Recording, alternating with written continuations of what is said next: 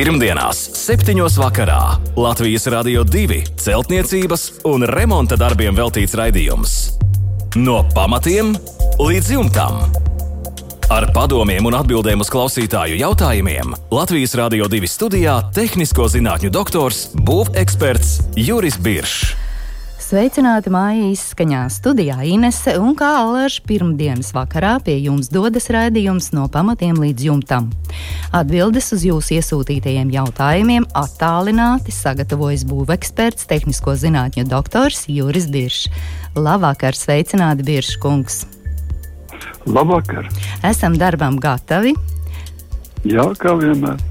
Jautājumi šovakar ir daudz un jāteic tādi krietni apjomīgi gan. Bet sāksim mēs ar Andra vēstuli un to, ko Andris mums ir uzrakstījis un atsūtījis. Pašu spēkiem būvējam māju. Mājai ir gāzbetona sienas un ir pienācis laiks montēt PVC logus. Un jautājums ir par loga novietojumu ailē. Logam ir jāatrodas ailes vidū, iekšmalā vai ārmalā, un vai vispār tam ir kāda nozīme? Jā, nu, jautājums, acīm redzot, daudzus arī interesē. Un uh, katrā gadījumā atbildi ir viennozīmīga, tas ir, tam ir liela nozīme. Nu, un, lai ļoti īsi to varētu izstāstīt, tad teikšu sekojoši, jo tuvāk jūs ārmalai virzat logu, jo, protams, ka būs labāka redzamība, vairāk nu, teiksim, mēs iegūstam nu, vizuāli.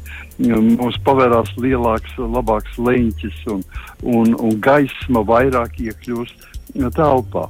Bet ir robeža. Mēs nevaram bīdīt bezgalīgi tādā līdz pašai ārmalai. Jo, ja mēs uzzīmējam vienkārši stāties priekšā siena, tad sienā ir aila. Sienas biezums veidos aili, Un mēs tagad bīdām uz priekšu savu logu. Tajā, vis, tajā vietā, kur mēs esam nolēmuši logu atstāt, tātad mm, no loga iekšpuses mēs velkam 45 grādu leņķi uz āru.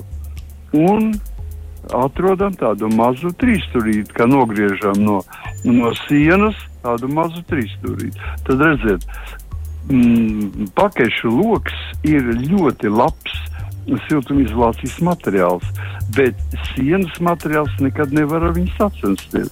Un tāpēc var gadīties, ka mēs pārāk tuvu piebīdot pie ārā ārmās, to logu atstājam ļoti mazu šo mazo trīsstūrīti. Ja, tas nozīmē, ka mums rodas augstuma tilts. Un var gadīties tā, ka mums ir ideāli teicami logi ar trīs uh, kamerām un, uh, un rāmjos un, un ar uh, trijām rūtīm. Viss kārtībā, bet viņš ir piebīdīts par tuvu. Un sienai rodas augstuma tiltiņš, viņš apiet šis uh, augstums apiet caur sienu logu un cilvēks jūt augstumu priekšā. Augstums ir pārvietojies aiz loga jau. Tā kā tam ir nozīme. Un parasti, protams, ka pie, pie, pie projektiem vai pa jaunām lietām nu, skatās šiem jautājumiem, pievērš uzmanību. Ja gadījumā tomēr mēs esam pievirzījušies par tuvu, tad mums jāsiltina ailes, ailu malas un tas atkal samazinās mūsu gaismas ieplūšanas daudzumu. Tā kā tam ir liela nozīme. Jā, paldies par izsmeļošo atbildi Andrim. Savukārt, Jeļena jautā, ar ko būtu labāk nosiltināt puspagraba koka griestus. Nu, tie ir kā viena istabai grīda. Vecie grīdas dēļ ir labi un stabili un likti uz koka sijām. Nu, mm, paliksim pie veciem labiem likumiem, kad gan pagraba telpās, gan īpaši pagraba telpās, un tāpat arī pus, puspagraba telpās pārsegumi kas ir veidoti no koka, ir atstājami tādi, kādi viņi jums ir. Vislabāk atvērti koka konstrukcijas skaidri redzamas. Ja mēs viņus aizseksim, apšūsim ar citiem materiāliem, var jo vienmēr šīs telpas ir samērā mitras, mitrākas kā citas telpas, un šeit var rasties dažādi eh, koku bojājumi. Tāpēc atstājam to, ko dēļ, un nesiltinām grī, griestus, bet siltinām otrai augstāk esošai istabai grīdu. Un Tātad, kā jau Jēlēna raksta, kad vecie grīzes dēļ ir labi, stabili, un tad uz viņiem mēs varam likt, es ieteiktu likt virsū mīkstās kokšķiedra plātnes. Tātad 25 mm vienu kārtu, un, ja tu atļauj istabas augstums, es liktu vēl šķērsām otru kārtu. 25 mm. Un tad uz viņas var izvēlēties segumu. Vai nu tas būs mīkstais segums, vai tas ir lamināts, vai tas ir parkets. Vienalga to visu var likt virsū arī uz šīm mīkstām, ko šķiet plākstām. Mhm. Jā, paldies par atbildi Jeļenai. Nākamā mums ir ārņa vēstule. Koka karkas māja aplikta ar balto silikāta ķieģeli. Celta māja ir 70. gados, un problēma ir augsti gruntsūdeņi, un attiecībā pret ielu māja atrodas tā kā bedrē. Mājā ir bijis arī liels mitrums, un apakšējais vainags bojāts, un izskatās arī, ka ķirmju izēsts. Domājam, rakstārnis apakšējo vainagu nomainīt ar fibo blokiem vienā rindā, nu, iegūstot pamata augstumu apmēram 20 cm cm un uz fibo blokiem likt jaunu vainagu. Vertikālās karkasa brusas nozāģējot vajadzīgā augstumā un studējot jau uz jaunā un fibo bloku rindas um, vainaga. Mainīt domāju pa posmiem rakstā Arnis apmēram 3 metru garumā un jautājumi ir šādi. Vai šāds domu gājiens ir pareizs? Un ja jā, tad vai fibo bloki ir jālīmē klāt pie esošā pamata vai arī vienkārši jāliek uz pamata? vai arī jādala ar ruberoīdu, un vainags gan būs atdalīts no bloka ar ruberoīdu. Nu, šāda ir ārņa situācija un jautājumi. Jā, es teiktu, ka domu gaita ir absolūti pareiza. Un uh, mājā jātiek ārā no šīs bedres. Jo, teiksim, īstenībā visu noteiks istabu augstums. Tas, ka jūs pacelsiet, kad Arnēs pacels uz augšu to par vienu FIBA bloku, to pamatu uz augšu, tas vēl neko nenozīmē. Visu, visu, visu noteiks, kur atradīsies tīrā grīda. Tas nozīmē, ka arī grīda jāceļ uz augšu šie paši 20 centimetri. Ja, tātad koka grīdai vajadzētu atrasties koka daļā. Koka daļā, bet mēs ceļam uz augšu un apakšā, apakšējā, lai nepaliktu tukša šī telpa, kuru aizņem um, FIBO bloki, ir jā, nu, jāpiepilda, teiksim, ar, ar granulētu keramzītu vai ar vati vai katrā gadījumā, teiksim, ar siltumizolācijas materiālu. Mēs nedrīkstam atstāt arī tukšu. Bet, ja mēs nu, atstājam grīdu turpat lejā, mums nāks iekšā. Mums ir arī speciāli paņēmieni, kā vēl no tādiem varētu teiksim, tikt, tikt laukā. Papildus visam tam es ieteiktu atrakt ēku pa perimetru un izvietot nu, teiksim, kaut vai metra dziļumā telpisku geomembrānu, veidojot tā saucamo vertikālo drenāžu. Tas samazinās mitrumu, kaut gan mitrums būs. Īstenībā jūsu īstās tīrās grīdas līmenis ir ielas. No ielas, ja mēs ņemam 30 cm uz augšu un valkam paralēlu taisni, tad tur, kur viņi atveras, tur būtu jābūt īstai, tīrai grīdai. Protams, tas acīm redzot, būs ļoti augsts. Kādreiz tas var būt pat pasaules stāva augstums. Nu jā, tas visās situācijās to acīm redzot nav Nevar, iespējams nē, nu, nevajag, mm. Jā, nav iespējams ievērot, tas vienkārši jāzina, tas mitrums būs. Un mitrums šāda tipa ēkas visas slimo ar mitrumu. Un tad tur pielieto visus tos pasākumus, kas arī ļoti daudz ir, ar kuru palīdzību mēs samazinām telpas mitrumu. Nu jā, kā jūs jau teicāt, geomembrānu vēlams izmantot un skatīties, lai nu, zem grīdas nebūtu tukšuma. Jā, jā, tie ir tā sakot, konstruktīvie pasākumi. Un tad jau bez šaubām kolosāla nozīme būs ventilācijai, gaisa apmaiņai un siltināšanai. Mm -hmm. Jā, paldies par atbildi Arnim. Pirmdienās, 7. vakarā Latvijas Rādio 2 celtniecības un remonta darbiem veltīts raidījums. No pamatiem līdz jumtam. Ar padomiem un atbildēm uz klausītāju jautājumiem Latvijas Rādio 2 studijā - tehnisko zinātņu doktors, būveksperts Juris Biršs. Mēs turpinām ar Kasparu vēstuli.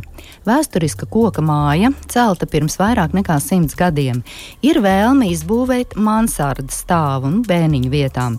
Bēniņu stāvs apšūts tikai ar vienu dēļu kārtu. Kādreiz tā ir bijusi vasaras māja, dažās vietās ir spraugas starp dēļiem. Kā būtu pareizi rīkoties, vai ir jāveido vēl kāda dēļu kārta no iekšpuses uz esošās, un kā veidot siltinājumu šādai mansarda izbūvēšanai? Un Kaspars pielikumā ir pievienojis fotoattēlus. Un tajos ir arī redzama tāda lieta, ka uz sijām ir mitruma radīta spēlējuma pēdas. Jā, nu, bildes ir jaukas. Visu šajā gadījumā nosaka citi faktori. Man mazliet satrauc tas, ka Kaspars saka, ka tā ir vēsturiska koka māja. Nu, ja tas ir tikai sarunu valodā, tad tas ir labi nekas. Bet, ja tā ir tiešām vēsturiskā ēka, tad mēs nevaram daudz ko viņām mainīt. Un, jo šajā gadījumā mansardu mm, pārbūvējot vai siltinot, visu noteiks tas, kādai jābūt ir ārā fasādes, fasādes izskatam, kādam jābūt. Ja ir jāsaglabā tieši tāda, kāda viņa ir šodien, tad mums būs nu, no, no šīs esošās dēļu kārtas jātiek divi centimetri un jāveido jauna dēļu kārta un jāveido siltumizolācija, jānoslēdz vidā un jāveido, lai būtu ļoti laba ventilēšanas iespēja, kas ir diezgan sarežģīti, ja jumtam nav, nu, teiksim, pie vienkāršiem jumtiem varbūt tas varētu būt arī mazāk. Ja tā nav vēsturiska koka māja, un mēs varam izmainīt ārējo izskatu. Vismaz. Tad mēs vienkārši izmantojam šo šodienas dēļu sistēmu kā vēja barjeru, kā vēja plēve, varētu teikt. Un mēs pilnībā visu, visu šo koka karkasa mm, plat, platumā visu pildam ar siltumizolācijas materiālu. Teiksim, mēs varam visu veidot jau gatavus, gatavā, gatavo iekšējo apšuvumu, pēc tam piepūst ar eko vati. Vai mēs liekam iekšā kādas līnijas vatas vai kaņepāju vatas. Mm, vienalga, kādām vatēm mēs arī ne, nelietotu, izņemot tikai ne minerālās vatas, jo minerālām vatēm iekšpusē vajadzēs veidot mm, tvaikizolācijas plēvi.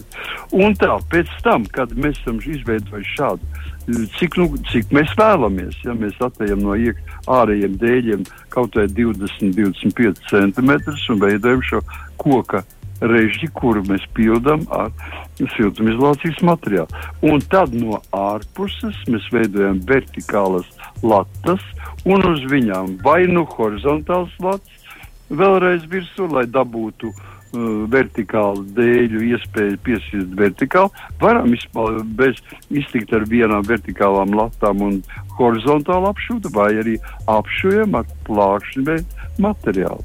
Atstājot 30 mm starp esošo šodienas fasādes dēļ un jauno, ko mēs uzstrādāsim virsū. Tad viss šī ko, konstrukcija iegūst, nu, mm, teiksim, pēc bufizikas viedokļiem, viņa viss ir kārtībā. Atkarībā no tā, kāda būs mansardu griestu augstums, tad, tad mēs izvēlamies vai siltināt jumtu, jumta slīpo daļu, vai virs, uh, teiksim, sijām veidot uh, horizontāls griestus. Ja. Nu, tas ir subjektīvs eh, spriedums katram pašam. Mm -hmm. Jā, skaidrs. Bet vispirms ir jāpārliecinās par šīs ēkas vēsturisko statusu. Jā, tas, nu, tas būtu pirmais. Ja reiz rakst, ja reiz raksta vēsturiska koka māja, nu tad, ja šī, šo vēsturi diktējam tikai mēs paši, tad mēs varam arī ko mainīt, ja viņa ir, nu, status, valsts aizsardzības status vai vai Jā, skaidrs. status, tad mums ir ir daudz sarežģītāk. Jārēķinās ar nosacījumiem. Un kā bieži kungs ar šo pelējumu uz sijām? Tur arī nu, pelējums ir. Kā tur ir izskatās pamatīgi? Vajadzētu tas, likvidēt. Jā, viņš rāda, rāda to, ka nu, ne viss, viss tiek, tātad mitrums tiek iekšā un netiek labi pildīts arī ventilācija. Principam jāsaglabājas, un tam būs jāsaglabājas arī tad, kad būs izveidots šis mansardas stāvs pie pažobeles. Tātad pie dzegas iet gaisa iekšā abās mājas pusēs, un pie kuras viņš nāk ārā.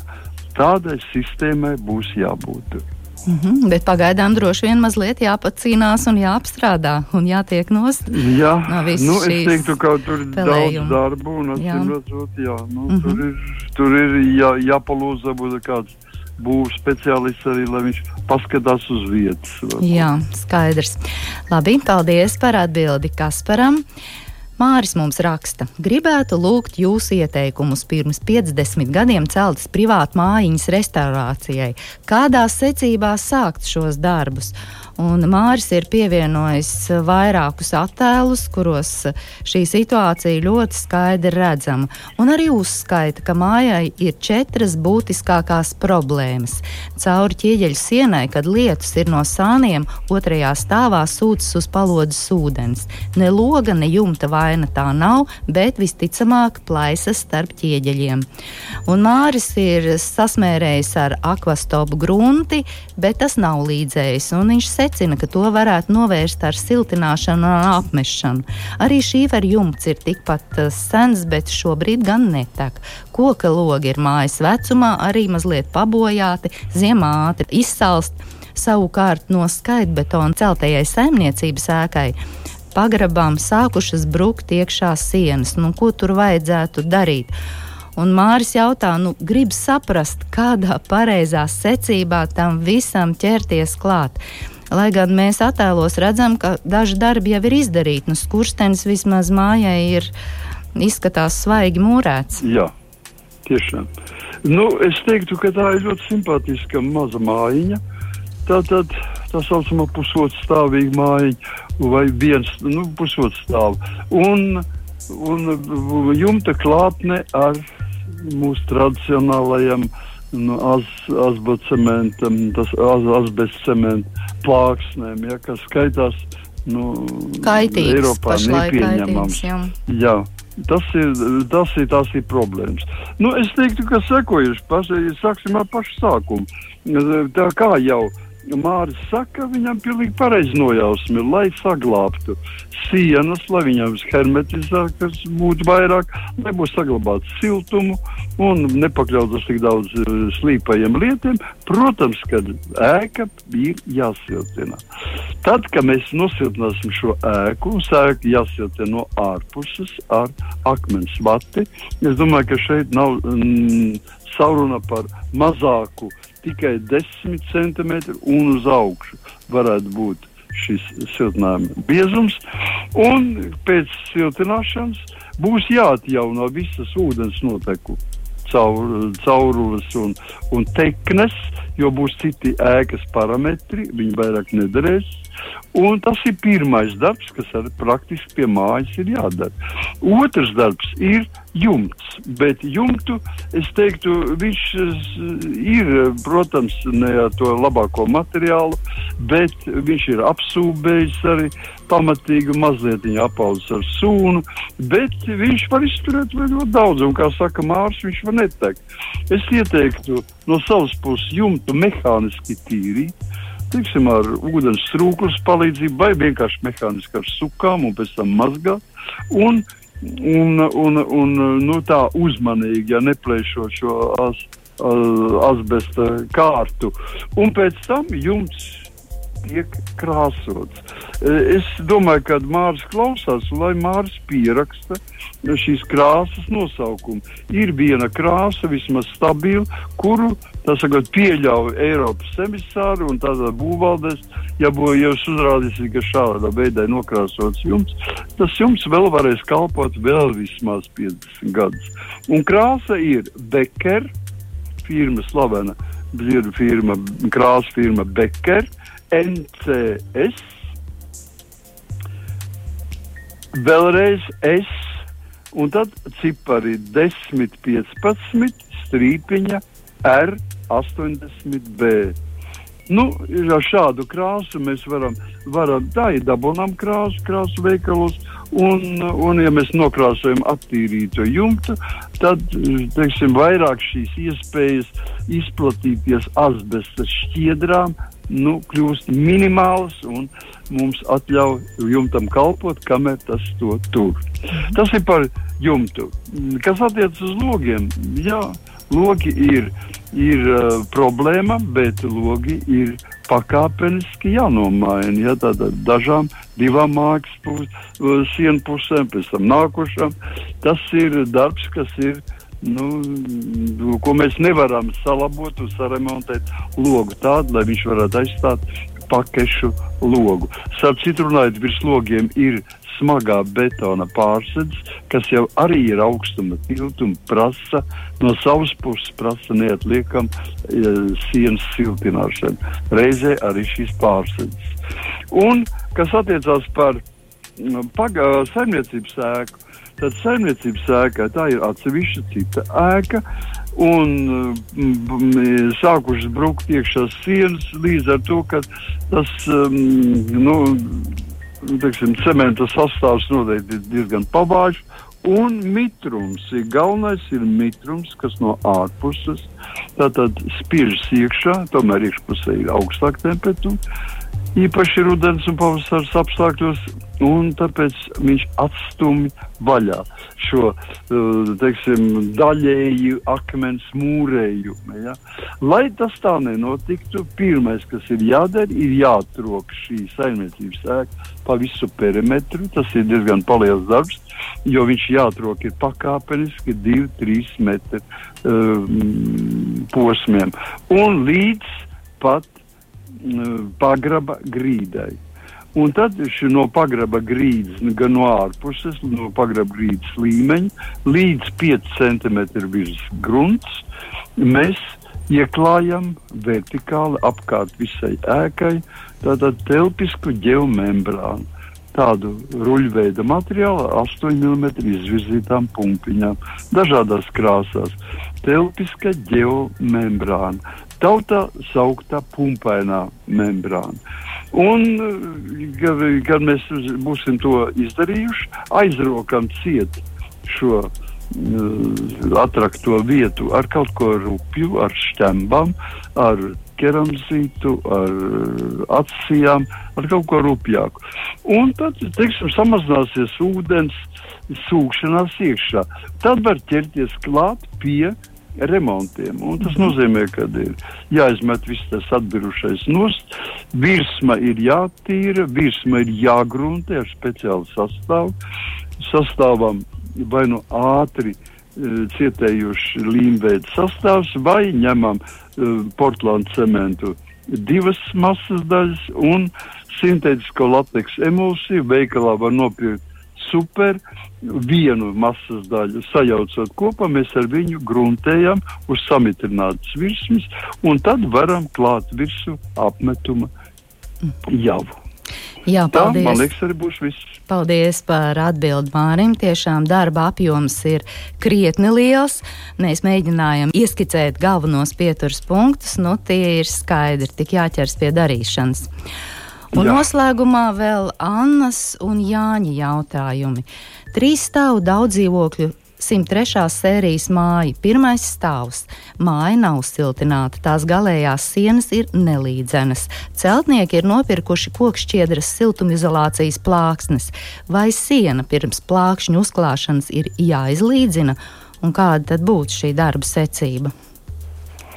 Redziet, praktiski kokšķiedru plāksnes, īpaši mīkstās kokšķiedru plāksnes, var pie līdzenām sienām liekt tieši pie sienas klātu līmē, ar dībeļiem dabon klāt, pieskrūvē viņu, pie dabon klāt tieši pie pašas sienas. Ja siena uzrāda uh, nu, teiksim, kādas at, uh, deformācijas vai kaut kādas, kaut kādas ne, nelīdzenums un parādās mums tukša vieta, tādas atstāt nedrīkst. Un to vai nu piepilda ar ekovati, tātad pieliekam klāt plātni, mums parādās uh, tāda tukša vieta, kura nosedz ne, teiksim, ne, ne, šo sienas nelīdzenums.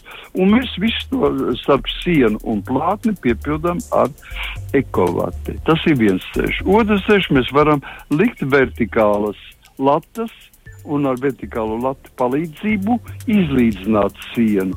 Tad mēs liekam konkrēti šo plāksni, bet starpstarpī latas augstumā visu tāpat piepildām ar ekovatu. Mm -hmm. Tāda ir šī pasākums. Jā, paldies par jūsu atbildēm. Līdz ar to arī šovakar mūsu raidījums tuvojas izskaņai. Sūtiet savus jautājumus uz mūsu e-pasta adresi remonds at lr2.lv vai arī izmantojiet mūsu mājaslapu, lai iesūtītu savus jautājumus, bet vēlreiz noklausīties sev tīkamos raidījumus varat Latvijas radio arhīvā un, protams, izmantojiet savas iecienītākās podkāstu platformas. Lai jums jauks, mierīgs pirmdienas vakars kopā ar Latvijas Rādio 2. Visu labu! Pirmdienās, 7. vakarā Latvijas Rādio 2 celtniecības un remonta darbiem veltīts raidījums. No pamatiem līdz jumtam. Ar padomiem un atbildēm uz klausītāju jautājumiem Latvijas Rādio 2 studijā - tehnisko zinātņu doktors, būveksperts Juris Biršs.